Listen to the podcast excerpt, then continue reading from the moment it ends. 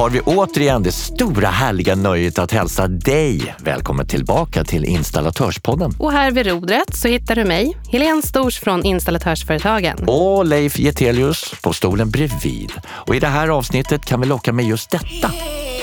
I grunden så handlar det väl ofta om att de helt enkelt inte har pengar själv och då blir det ett problem för våra medlemmar för då får de inte betalt. Eller så är det beställare som helt enkelt går i konkurs och då vill man veta hur man ska hantera det. Ja, men hamnar man i en situation att, att det faktiskt blir så att man behöver göra neddragningar, då finns det en hel del som man behöver tänka på som arbetsgivare. Elpatronen till värmepumpen, sjunkande fraktpriser och batterilager. Där har vi tre snackisar i installationsbranschen. Så då, då satte jag emot det där munstycket mot det där uttaget av autoklaven och så tryckte av och, och det försvann. Termostaten hade ju kört på och fläskat på värme där uppe så att det hade inte brunnit men det var inte långt ifrån i alla fall. Och idag kommer vi fortsätta att dyka ner kring ämnet lågkonjunktur. Men vi kommer fokusera lite mer på den juridiska aspekten än vad vi gjort tidigare. Mm, och det är ganska så dystert just nu, dessvärre. Inflation, krig och lågkonjunktur. Och det är tre ord som dyker upp titt som tätt i vår vardag. Ja, och då vill man ju veta vad man har för rättigheter när man kanske ingått ett avtal och omvärlden förändras. Ja, precis. Och då kan det vara bra att ha lite koll på just juridiken. Välkommen till Installatörspodden Fredrik Meijert, entreprenadrättsjurist på Installatörsföretagen. Tack så mycket. Du möter ju medlemmar varje dag som står inför olika utmaningar. Vilken är den vanligaste frågan du får just nu i dagsläget? Ja, något vi har eh, jobbat med länge det är de här materialprishöjningarna som har pågått under ganska lång tid. Där går inte priserna upp så mycket längre, men eh, många medlemmar har fortfarande problem att slutreglera sina entreprenader. Man har skjutit på det och ja, nu börjar det närma sig slutet och då vill man ha betalt och det är svårt. Mm. Men man märker också att det är på väg in i en lågkonjunktur. Det är många beställare som inte vill göra rätt för sig och kommer med många konstiga invändningar. Och I grunden så handlar det väl ofta om att de helt enkelt inte har pengar själv. Och då blir det ett problem för våra medlemmar, för då får de inte betalt. Eller så är det beställare som helt enkelt går i konkurs och då vill man veta hur man ska hantera det. Ja, men om vi börjar lite från början här och reder ut eh, begrepp då som kan dyka upp här idag. Och då tänker jag på ordet obestånd. Kan inte du beskriva vad det innebär? Ja, att vara på obestånd det innebär att man inte kan betala sina skulder i rätt tid. Och det är inte bara fråga om tillfälliga problem, alltså man kommer ha problem även på lång sikt. Om ett företag är på obestånd så kan det försättas i konkurs och det är oftast det som händer. Det kan också bli föremål för en eh, företagsrekonstruktion om det anses vara livskraftigt på sikt, men det är ganska ovanligt. Otrevligt, usch. Och vad bör man som företagare ha koll på för att inte hamna i det läget? Framförallt så ska man försöka förebygga situationen. Det mest grundläggande är att man ska kunna känna sin motpart ordentligt. Vad har de för ekonomi? Har de lönsamma projekt i övrigt? Är det ett långsiktigt seriöst bolag som har gott rykte bland kollegorna på stan? Sånt är jätteviktigt att känna till. Man får helt enkelt försöka hänga med i snacket då i branschen. Och det kan man göra genom att träffa företag, olika nätverk, olika föreningsaktiviteter. Man lär sig ganska fort vilka beställare som är bra och vilka som inte är bra, vilka som betalar sina skulder. Och hör man då till någon som inte betalar sina skulder, ja då ska man ju dra öronen åt sig innan man går in i det projektet. Ja, det låter ju vettigt. Men innan själva avtalet då ska ingås, kan man förbereda sig på något sätt? Ja, en väldigt eh, vanlig åtgärd är att man gör en kreditkontroll helt enkelt. Det finns många tjänster som man kan kontrollera sin motpart med. Man kan se om de har krav mot sig eller dålig kreditvärdighet, om det ligger inne ansökningar mot dem. Och gör det det, då är det såklart en rejäl varningsflagg. Men man ska också veta att även om det är en kreditkontroll så behöver inte framkomma något i den. Det kan ju vara så att de ser hur bra ut som helst. Obestånd kan uppkomma väldigt, väldigt fort. Så bara för att det ser bra ut i kreditkontrollen betyder det inte att det här är ett starkt företag. Men eh, det skadar inte att göra en kreditkontroll. Förutom att göra en eh, kreditkontroll och hänga med i snacket kan det vara bra att kräva en säkerhet. Det vanliga är att entreprenören ställer säkerhet till sin beställare. Men det finns ingenting som hindrar att ni kräver att er beställare ska ställa en säkerhet till er. Speciellt om man känner sig orolig för ekonomin. Då. Det kan vara en bankgaranti, det kan vara moderbolagsborgen, fullgörande försäkringar. Det viktiga är att ni ska kunna använda den här säkerheten för att få ersättning för sådana kostnader som ni skulle fått betalt för om inte beställaren gått i konkurs. Sen är det också viktigt att anpassa sina betalningsplaner och sina betalningsfrister. Det är ett väldigt handfast tips. För hur man anpassar dem då, det beror lite på om man är beställare eller entreprenör. Som entreprenör vill man hela tiden ligga lite före i betalning i förhållande till de kostnader man har och de arbeten man utfört. Kan man få full förskottsbetalning så är det förstås jätte, jättebra, men det är ovanligt. Det är vanligare att man har betalningsplaner där man har liksom anpassat varje lyft då, så att det hela tiden är värt lite mer än det arbete som man utfört. Och så vill man ha korta betalningsfrister så att man snabbt kan dra i handbromsen om det är så att beställaren inte betalar fakturorna. Du, eh, när ett projekt bara rullar på man har koll på allt som du just har nämnt här, finns det ytterligare saker som man ska hålla koll på under själva projektet? För det första ska man hålla koll på att man faktiskt får betalt för det som man har rätt till. Fakturera så tidigt som möjligt. Var påläst kring vilka arbeten som ingår i ert kontrakt, vilka villkor som gäller, så att ni kan nyttja alla möjligheter att eh, skicka ätarbeten och tilläggsersättning och sånt till er beställare. Kommunicera, dokumentera allt som händer och var ihärdig. Ligg på beställaren att betala hela tiden. För den som ligger på mest, den som är mest ihärdig, är också ofta den som får betalt när det börjar bli lite dåligt med pengar hos beställaren. Och fall det är så att beställaren inte betalar så har man faktiskt möjlighet att stoppa arbetena. Och det ska man göra så fort som möjligt så att man inte börjar dra på sig mer kostnader när beställaren börjar få dåligt med pengar. Man har alltid rätt att stoppa om beställaren går i konkurs, om inte säkerhet ställs över beställare. Men man har också rätt att stoppa även när beställaren inte har gått i konkurs om det är så att de inte betalar. Och det är en stor betalning. Det kan inte vara vilken betalning som helst. Det måste vara väsentlig betydelse för er. Men då kan man ha rätt att stoppa arbetena och gå därifrån. Slutligen kan man också ibland ta tillbaka material och hjälpmedel från arbetsområdet. Och det här är en jättekomplicerad fråga som man skulle kunna prata en hel dag om. Men om man ska förenkla det ordentligt så kan man säga att sånt arbete och material som har utförts eller byggts in i en entreprenad, ja, det är att anses som en del av en fastighet. Det är fastighetstillbehör. Och det får man inte ta tillbaka eller skruva ner igen. Däremot finns det sånt material som inte har byggts in i byggnaden eller anläggningen och som ni fortfarande har tillgång till. Man brukar säga att man har rådighet över det. Då, det kan man få plocka tillbaka, då, för det är fortfarande er egendom. Och sen så såklart egna hjälpmedel och sånt som inte är tänkt att bli en del av entreprenaden, det kan man också plocka tillbaka. Men försök plocka tillbaka det ni kan ta tillbaka så fort som möjligt och om ni känner osäkra, prata med oss, för det här är jättekomplicerat. Ja, men du nämnde ätarbeten och jag tänker att det kan ju tillkomma då avvikelser. Men hur ska man tänka i de här tiderna? Är det något speciellt man ska tänka på då? För ätarbeten så finns det ju sällan en betalningsplan med förbestämda lyft, utan då ska man ju debitera dem i takt med att de utförs, löpande helt enkelt. Och även där måste man ju vara på tårna då. När det uteblir en betalning för att äta till exempel, ja då kan man också ha rätt att stoppa arbetena. Så att eh, fakturera snabbt, var noga med att ni också får betalt. Skjut inte på er till slutet och vänta med en slutreglering, för då kommer det inte sluta bra oftast. Som du nämnde i inledningen så är både höjda materialpriser och utblivna leveranser någonting som branschen fortfarande drabbas av. Men om en beställning då redan är lagd, kan man då på något sätt dra tillbaka den om det blir avsevärt dyrare eller leveransen då drar ut på tiden? Det beror förstås på hur köpavtalet ser ut och vad ni har skrivit i avtalet. Som huvudregel så är man bunden av ingångna avtal och man kan inte ensidigt dra sig ur ett köp om det är ett bindande avtal. Men man brukar kunna hitta vägar att i vart fall göra situationen bättre med hjälp av oss jurister på installatörsföretagen. Det finns lite olika sätt att gå tillväga. Vi kan också hjälpa till och titta på avtalen innan ni skriver på dem så att ni får utvägar om det här skulle hända. Så att slå en signal i sådana fall så får vi se i det enskilda fallet hur man, hur man löser det. Kan det till och med vara aktuellt att helt häva köpet? Ja, det kan vara en sista åtgärd. Om beställaren försätts i konkurs så är det i sig en grund för att häva. Och en hävning måste som fall vara skriftlig. Men om det här är något som man överväger så ska man absolut kontakta en jurist. För det finns vissa krav som måste uppfyllas och man måste tänka efter noggrant så att man verkligen har en hävningsgrund. För annars kan det slå tillbaka på en själv och så får man betala skadestånd. Om entreprenaden hävs är det även viktigt att göra en värdering av det arbete som man utfört fram till tidpunkten för hävningen så att man vet vilket krav man har på beställaren för det arbete som utförs. Då. Man måste helt enkelt få en, sätta en peng på det arbetet. Men kan det vara så att man helt enkelt kan slutföra entreprenaden och kräva någon form av fyllnadssäkerhet? Absolut. Det skulle kunna uppkomma en situation där konkursbolaget, alltså er beställare som har gått i konkurs, ändå vill slutföra entreprenaden. Det händer. Då kan det finnas anledning för er att överväga att själv färdigställa era arbeten istället för att häva entreprenaden om ni bedömer att det helt enkelt är mer lönsamt. Man kanske ser att man har pengar att hämta där. Men då måste man förhandla med konkursförvaltaren om villkoren för betalning och förskottsbetalning är då absolut att föredra. Kan man få förskottsbetalning för resterande arbeten, ja, då hanteras ju risken på ett jättebra sätt.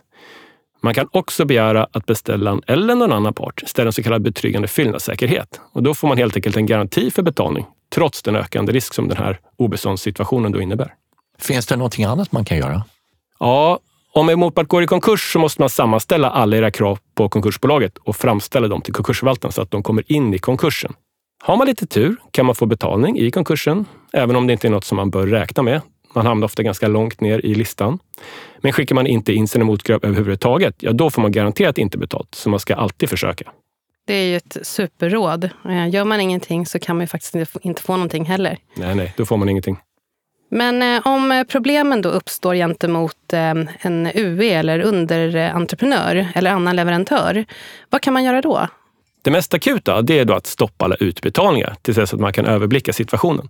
Hur mycket har de utfört? Vad har vi redan betalat? Har vi motkrav som vi kan lägga in i konkursen och så vidare? Och så sammanställer man eventuella motkrav och skickar till konkursbolaget precis som när beställaren går i konkurs. Att en underentreprenör går i konkurs påverkar nästan alltid tidplanen och entreprenadens framdrift. Har man en egen beställare så måste man därför anmäla hinder så fort man kan. Man ska också begära tidsförlängning.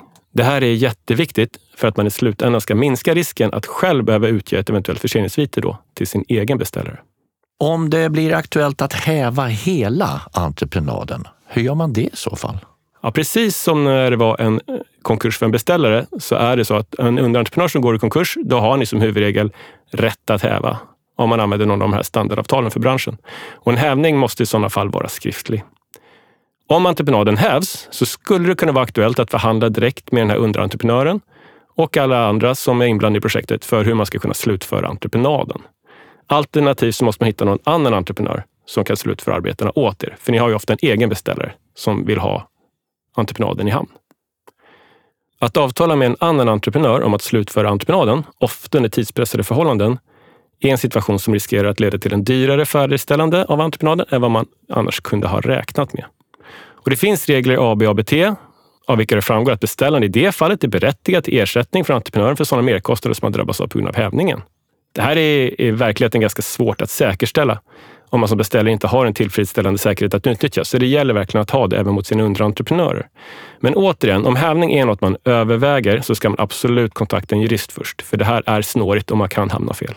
Och du nämner standardavtalen för branschen. Och det, då pratar vi om AB och ABT då. Absolut. Det kanske borde nämnt från början. AB04 och ABT06. De är ju väldigt viktiga för att hantera sådana situationer. Och eh, om man då hamnar i den här situationen, kan man då förhandla med entreprenören om att slutföra entreprenaden då i, i förtid? Ja, absolut. Eh, Det kan alltid finnas anledning att ge konkursboet möjlighet att slutföra entreprenaden. Men i det fallet bör ni förhandla med konkursförvaltaren om en ny ersättningsnivå för de arbeten som återstår och villkoren för betalning. För det kommer oundvikligen innebära att garantiansvaret påverkas och så vidare. Bra information, Fredrik. Vi ska inte säga tack och hej ännu till dig. Du får hänga kvar i kulisserna och besvara en annan fråga lite senare. Det gör jag så gärna. Fortsätter på ämnet, men vi ställer om från entreprenaden till arbetsgivarens rättigheter och skyldigheter. Ja, förutom de tips som Fredrik just har lyft fram, vad kan du göra i din roll som arbetsgivare? Så välkommen tillbaka till podden, Nina Burman Lundin. Tack så mycket. Och som vi var inne på i inledningen så arbetar du med arbetsrätt och är just arbetsrättsjurist, eller hur? Det stämmer. Så i rollen som arbetsgivare, vad kan man då behöva tänka på om man exempelvis behöver göra neddragningar? Ja, men hamnar man i en situation att, att det faktiskt blir så att man behöver göra neddragningar, då finns det en hel del som man behöver tänka på som arbetsgivare. Um, och det första jag vill skicka med är väl egentligen att man alltid kan kontakta oss på installatörsföretagen. Eh, många av våra företag har aldrig varit i en situation där man faktiskt behöver dra ner på verksamheten. Och det kan vara uh, lite svårt att, att um, orientera sig i regelverket där. Så att, ta gärna kontakt med oss så hjälper vi till så mycket vi kan. Men det första jag tycker man, man alltid ska fundera på är, ja, men kan vi lösa det här på något annat sätt? Genom att låna ut arbetstagare under en viss tid. Eh, vissa, på vissa avtalsområden har vi möjlighet till permittering, det vill säga att man går ner i tid och får lägre lön under en viss tid. Eh, så man kan undersöka vilka möjligheter som finns innan man går på en neddragning eller en så kallad arbetsbristsituation, en omorganisation. Men är man då i en neddragning, eh, då behöver man ju gå igenom möjligheterna till omplacering av de här eh, arbetstagarna. Eh, finns det andra naturliga avgångar, till exempel pension eller utbildningar? Man behöver också kika i anställningsavtal, kollektivavtal, när det gäller vilken uppsägningstid som gäller för de här personerna. Eh, sen behöver man också upprätta en turordningslista och det är baserat på hur lång tid personerna har varit anställda. Eh, och utifrån det så kan man sen orientera sig i vilka undantag man skulle kunna göra från den här turordningslistan.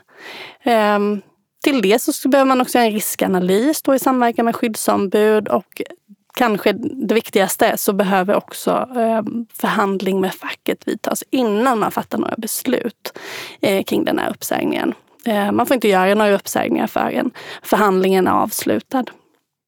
Så ehm, det finns en hel del att, att tänka på här. Eh, och vi har ganska mycket information på vår webb när det gäller just arbetsbrist. Och det finns en checklista så man kan följa de olika stegen, vad man behöver göra. Om vi ser på medarbetarna när det här väl är igång, tanken och det som ska ske med just neddragningar, hur informerar man dem på bästa sätt?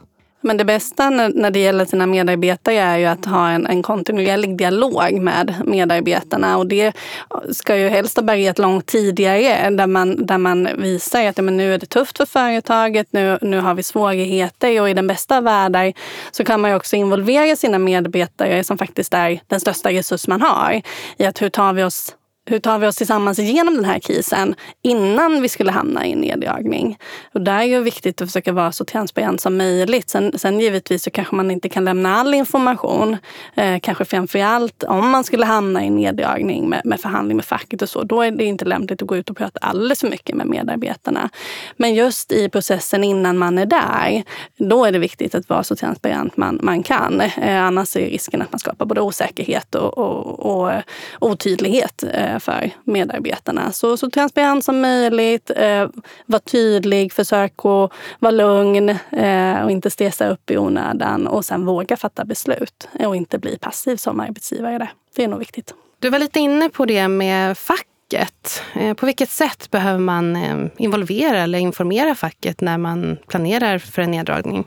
Ja, men facket eh, har man ju alltid kontakt med, eller ska man alltid ha kontakt med. Eh, en arbetsgivare har alltid en informationsskyldighet som gäller löpande. Eh, att man ska informera facket om verksamhetens utveckling, både produktionsmässigt men också ekonomiskt. Eh, och i en lågkonjunktur som, som vi är i och i tuffare tider, då är det klart att eh, sån information troligtvis kommer behöva ske oftare än om det är i en högkonjunktur och allt rullar på.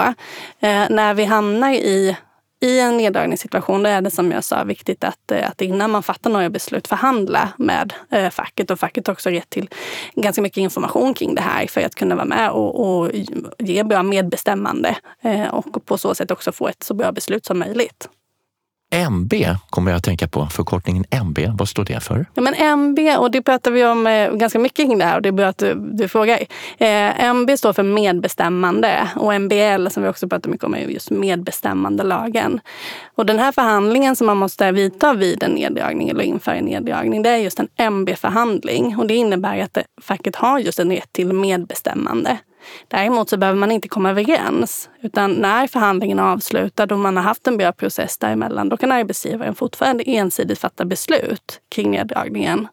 Men medbestämmandet, som, som det då står för MB, det behöver ha skett innan. Men finns det någonting som man kan göra då i förebyggande syfte? Låt säga att eh, det inte är aktuellt just nu att göra en neddragning, men att man vill ha en plan utifall att det skulle ske. Ja, men absolut. Och det, det, det här vill jag gärna flagga för lite extra för våra medlemsföretag. Eh, för det finns faktiskt möjlighet i, i flera av våra kollektivavtal att, att eh, hantera turordningskretsarna. Det vill säga om det är vi hamnar i en neddragningssituation, då kan den hamna mer rätt i verksamheten. Alltså där vi har en brist, det är också där eh, uppsägningar sen kommer ske. Eh, och då finns det både installationsavtalet och i teknikinstallationsavtalet möjligheter kring det. I installationsavtalet så kan man förhandla in avdelningar, till exempel service, entreprenad och då är det de enskilda avdelningarna som är turordningskretsen. Eh, I TIA, teknikinstallationsavtalet, där är det yrkeskategorierna som utgör turordningskretsar. Men då är det väldigt viktigt att det är tydligt eh, för arbetstagarna vilken yrkeskategori man tillhör och också då vilken turordningskrets. Och är inte det tydligt, då kan det komma att bli en diskussion i en arbetsbrist och då kommer den, eh, kan den komma att bli sämre för företaget. Så då kan man ha gjort i ordning de här kretsarna då redan innan? Så ja, men säga. exakt. Att ha tittat på en turordningslista redan nu eh, och fundera, men hur ser det ut? Har vi koll på det här? Vem tillhör vilken avdelning? För det är inte ovanligt att om man har förhandlat in de här avdelningarna så har ju sen vatten runnit under broarna och det är inte säkert att man har liksom placerat in arbetstagarna i avdelningar eller att arbetstagarna har bytt avdelningar. Eh, och då är det inte lika tydligt och då har man inte den här möjligheten när man väl är i en arbetsbrist. Så det tycker jag absolut att man kan titta på redan nu. Och är det så att man inte har förhandlat in avdelningar så kan det vara en, en idé att göra det. Ehm, för där är det också så att det löper en viss tid från att man har förhandlat in till att det här liksom slår igenom i praktiken. Så därför är det bra att titta på det redan nu. Och har man en facklig förtroendevald eller en MB-grupp då kan det vara, vara, vara poäng i att eh, titta på en turordningslista tillsammans redan nu och reda ut eventuella oklarheter när det gäller placeringsort, eh, ja, faktiska omständigheter, yrkeskategori och så vidare.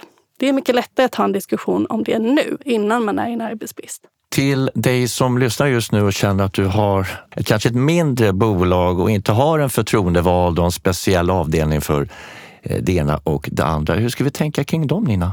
Ja, men jag förstår ju att det här kanske inte då kommer passa deras verksamhet eh, jättebra, det, det jag har sagt. Och kan vara svårt att applicera just i, i den mindre verksamheten. Eh, men där vill jag gärna hänvisa till att reglerna är egentligen de samma även för ett mindre företag. Och man har också fortfarande en skyldighet att förhandla med facket eh, och så. Även om man inte skulle ha en facklig förtroendevald på, på sin arbetsplats och på sitt företag. Men helst så vill jag att man tittar på vår hemsida på installatörsföretagen.se, på in.se. Eh, och för där finns det som sagt en checklista som, som gäller för alla, som passar alla för, storlekar på företag. Eh, och sen kontakta oss. Vi har företagsrådgivare som är superduktiga på att stötta i en sån här process. Kanske framför allt det mindre företaget som inte har gjort det här tidigare, som inte har en egen HR-funktion eller liknande som hanterar de här frågorna. Ta hjälp av oss vi kan det här. Hör medlemmarna av sig för lite? Ibland kanske. Ja. Jag upplever ibland också att man eh, kanske hör av sig för sent. Mm. Eh, och då hjälper vi givetvis också till. Men eh, det kan finnas en poäng i att särskilt i de här tillfällena hör av er så tidigt som möjligt. Vi kanske kan stötta i hur får ni bättre kontroll på ekonomin så att ni faktiskt kan undvika en neddragning. Det är väl det bästa. Det finns hopp och förhoppningsvis har du eh, gett lite hopp i dessa dystra tider till den som lyssnar. Stort tack för att du var med oss idag Nina. Tack så mycket. Nu har vi spelat in två poddavsnitt som handlar om lågkonjunktur. Vi har avsnitt 16 som fokuserade på hur företag kan jobba proaktivt och rusta sig i tid. Och sen det här avsnittet som tar upp de mer juridiska aspekterna. Men hur känner du Leif, nu när vi har de här två rätt skilda avsnitten om just lågkonjunktur? Ja, men det är oerhört blandade känslor. Det är ovisst just nu. Många frågetecken kring vad som kommer att ske. Så att, nej, men jag känner med alla företagare där ute såklart och dess medarbetare som förmodligen kommer att få gå en tuff framtid till mötes. Ja, jo, men jag håller helt med dig. Och Det kanske är viktigare än någonsin att man faktiskt vet vad man kan, får och bör göra i ett skarpt läge. Att vara förberedd, det kan faktiskt vara räddningen. De tre snabba är med oss även i år. Fredrik Karlsson, chefredaktör på tidningarna Elinstallatören och VVS Forum är på plats och ska nu bjuda på några intressanta nedslag. Nummer ett. Att stänga av elpatronen till värmepumpen ska man inte göra. Eller? Värmepumpsteknikern Eva Rosqvist ryter ifrån eftersom hon råkat ut för värmepumpar som frusit sönder sedan kunderna fått rådet att stänga av elpatronen för att spara energi. Nu sätter hon stopp för dessa råd i den Facebookgrupp hon administrerar. Fast alla verkar inte tycka att det är så farligt. Nå, elpatronen engagerar i alla fall hela branschen. Nummer två. Stigande priser och materialbrist, det har varit vardag för bland annat installationsbranschen. Men nu verkar det ha lättat. Det är lättare att få tag på småkomponenter och fraktpriserna har sjunkit till en fjärdedel. Mycket pekar i rätt riktning. Det säger Fredrik Hamrin som är vd på Kylma, landets ledande grossist inom kyla och värmepumpar. Nummer tre. Batterilager. Det är hett på en marknad med kraftigt stigande energipriser. Även om det är svårt att räkna hem kan nyttorna vara många. Med smarta tekniska lösningar kan ditt batterilager bli en resurs som kan bidra till elsystemet som helhet. Du kan lagra din el från dina solceller, men också köpa el till spotpris när det är billigt och sälja tillbaka den tio timmar senare till ett dyrare pris. Smart va? Idag så har vi ingen regelrätt medlemsfråga faktiskt. Nej, utan eh, vi tänkte faktiskt att entreprenadrättsjurist Fredrik Meijert som var med tidigare i avsnittet skulle få redogöra för ett rättsfall som kan ha stor betydelse för dig när du lämnar anbud i offentlig upphandling. Så välkommen tillbaka Fredrik. Tack så mycket. Ja, det stämmer bra det. Det här är ett viktigt rättsfall från Högsta förvaltningsdomstolen, så det är den finaste instansen i Sverige. Oj, oj, oj. Ja, det låter väldigt spännande. Ja, det handlar om att det genomfördes en upphandling av ett ramavtal för golvarbeten uppdelat i två geografiska områden.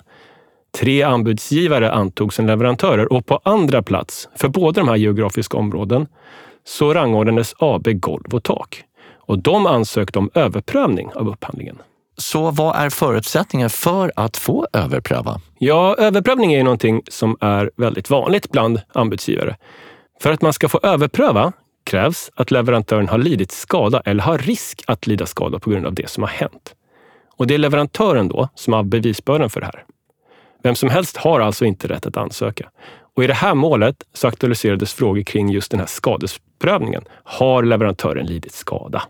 Och eh, vad säger Högsta förvaltningsdomstolen om den här skadeprövningen? Jo, vid bedömningen av om en brist i upphandlingen har medfört skada eller risk för skada för en viss leverantör så ska det beaktas om den här leverantören har gjort allt som krävs för att undvika att den här skadan uppkommer.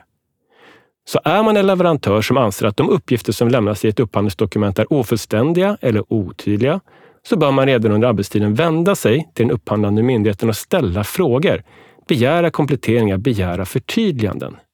För om man utan godtagbara skäl underlåter att göra det och istället väntar med att påtala eventuella brister till efter det att det här tilldelningsbeslutet är fattat, så sa Högsta förvaltningsdomstolen att ja, då kan det här kravet på att bristen ska medföra att leverantören har lidit eller riskerar att lida skada normalt sett inte anses vara uppfyllt. Du måste alltså göra vad du kan för att påtala brister redan i anbudsskedet. Annars kanske du inte anses ha lidit skada.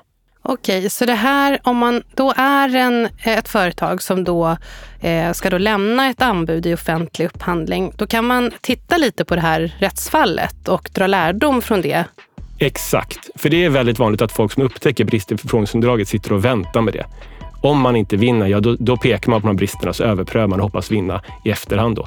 Men det här, ja, det går alltså inte enligt Högsta förvaltningsdomstolen. Då kan det bli så att du inte anses ha lidit skada. Då får du inte överpröva och då är det slut. Spännande. Verkligen, så mycket lärdom och tack för att du var med oss idag Fredrik. Det var så lite så. Kul att vara här.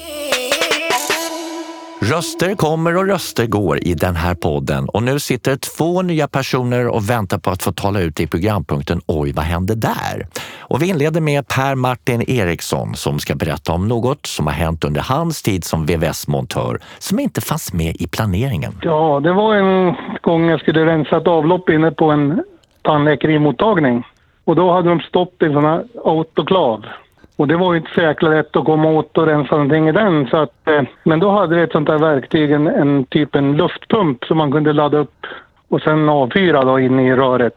Okej, det låter som ett vapen nästan. Ja, det var, var ungefär med ett vapen. De här äldre killarna kommer nog ihåg de här grejerna. Så då, då satte jag emot det där munstycket mot det där uttaget av autoklaven och så tryckte vi av och, och det försvann. Så det var ju bra. Skiten försvann. Efter tio sekunder så stod en tandläkare i dörrhåret och funderade på vad jag höll på med. För då gick den där laddningen rakt igenom en spottkopp och upp ett innertak ovanför hans patient. Men vänta nu, okej. Jag ser bilden framför mig. Det sitter en patient i stolen. Rätt sen så flyger det upp avföring genom hålet där plastmuggen står när man sköljer munnen. Ja, Och precis. rakt upp i taket. Jajamän. Var det någon patient där för tillfället också eller? Ja, det satt en patient där i stolen under också. Per Martin Eriksson, jättetack för att du var med och har det så gott. Hörru. Ja, tack. Det var Pelle Martin det som har kallats för till vardags. Verksam i Tierp som ligger mellan Uppsala och Gävle om du undrar. 14 mil söderut, där finner vi Åkersberga och där befinner sig elektrikern Jonny Averstedt på Elektrobyrån som också har något att berätta. Ja, det var väl för ett x antal år sedan som jag jobbade på en firma ute på Lidingö och eh, vi hade väl en eh, installation av en ridåvärmare inne på Golden Hits. Jag tror inte ens att jag hade åldern inne för att komma in där på kvällarna, men på dagen kunde vi vara där i alla fall och jobba. Och, eh, så vi kopplade in den här ridåvärmaren och allt var väl frid och fröjd. Sen, ja, det gick väl någon vecka eller två så hörde de av sig och tyckte att vi skulle komma dit och kolla för då hade ju det här överhettningsskyddet inte fungerat. Hade du någon misstanke redan där att aj, aj, aj, nu kan någonting ha hänt? Nej, alltså jag var ju typ nästan lärling så att jag hade ju inte så hundra koll på det då. Ah, okay. eh, och det var ju ett ganska litet utrymme där den där satt så att han jag jobbade med, han, eh, han hade väl inte riktigt kropp för att komma in där om vi säger så, utan det var bara jag som fick komma in där. Men vad var det som höll på att kunnat ha hänt då? då? Ja, alltså hade, inte, hade de inte reagerat själva på att det liksom började bli överdrivet varmt där inne så hade det ju kunnat ta eld. Termostaten hade ju kört på och fläskat på värme där uppe så att det hade inte brunnit, men det var inte långt ifrån i alla fall. Det var väl liksom bara en, en tidsfråga egentligen. Det gäller att ha eh, ett vakande öga på överhettningsskydden uppenbarligen kan man säga då. Precis. Leif, vi pratade ju tidigare i podden om röster som kommer och går. Och det är ju faktiskt så att du kommer inte sitta bredvid mig i varje podd längre. Nej, det är tårar som är på gång och trillar ur mina ögon. Hur ska jag förgylla min tillvaro när jag får prata med dig och alla fantastiska installatörer? Ah. Ja, alltså jag är inte orolig över att du kommer hitta på någonting annat spännande. Men däremot så är jag så himla glad över att jag får tillbringa de här två åren vid din sida och göra Installatörspodden tillsammans med dig. Tack detsamma Helene, i versaler. och till dig som undrar varför vi gör den här förändringen så är det för att vi ska testa ett nytt grepp i podden. Ja, vi kommer ha lite kortare fördjupningsavsnitt som kanske spinner vidare på ett webbinarium eller någonting annat. Men du Leif, du vet väl att du alltid är välkommen att gästa podden? Det är klart jag kommer. Du blir aldrig av med mig. du är så välkommen. Och eh, vi kommer ju sakna dig och gänget på Hype som har producerat podden åt oss. Så till dig som lyssnar, vi hörs snart igen, men i en liten annan tappning. Ta hand om er där ute och så stöter vi säkert på varandra någonstans. Hej då! Hej hej!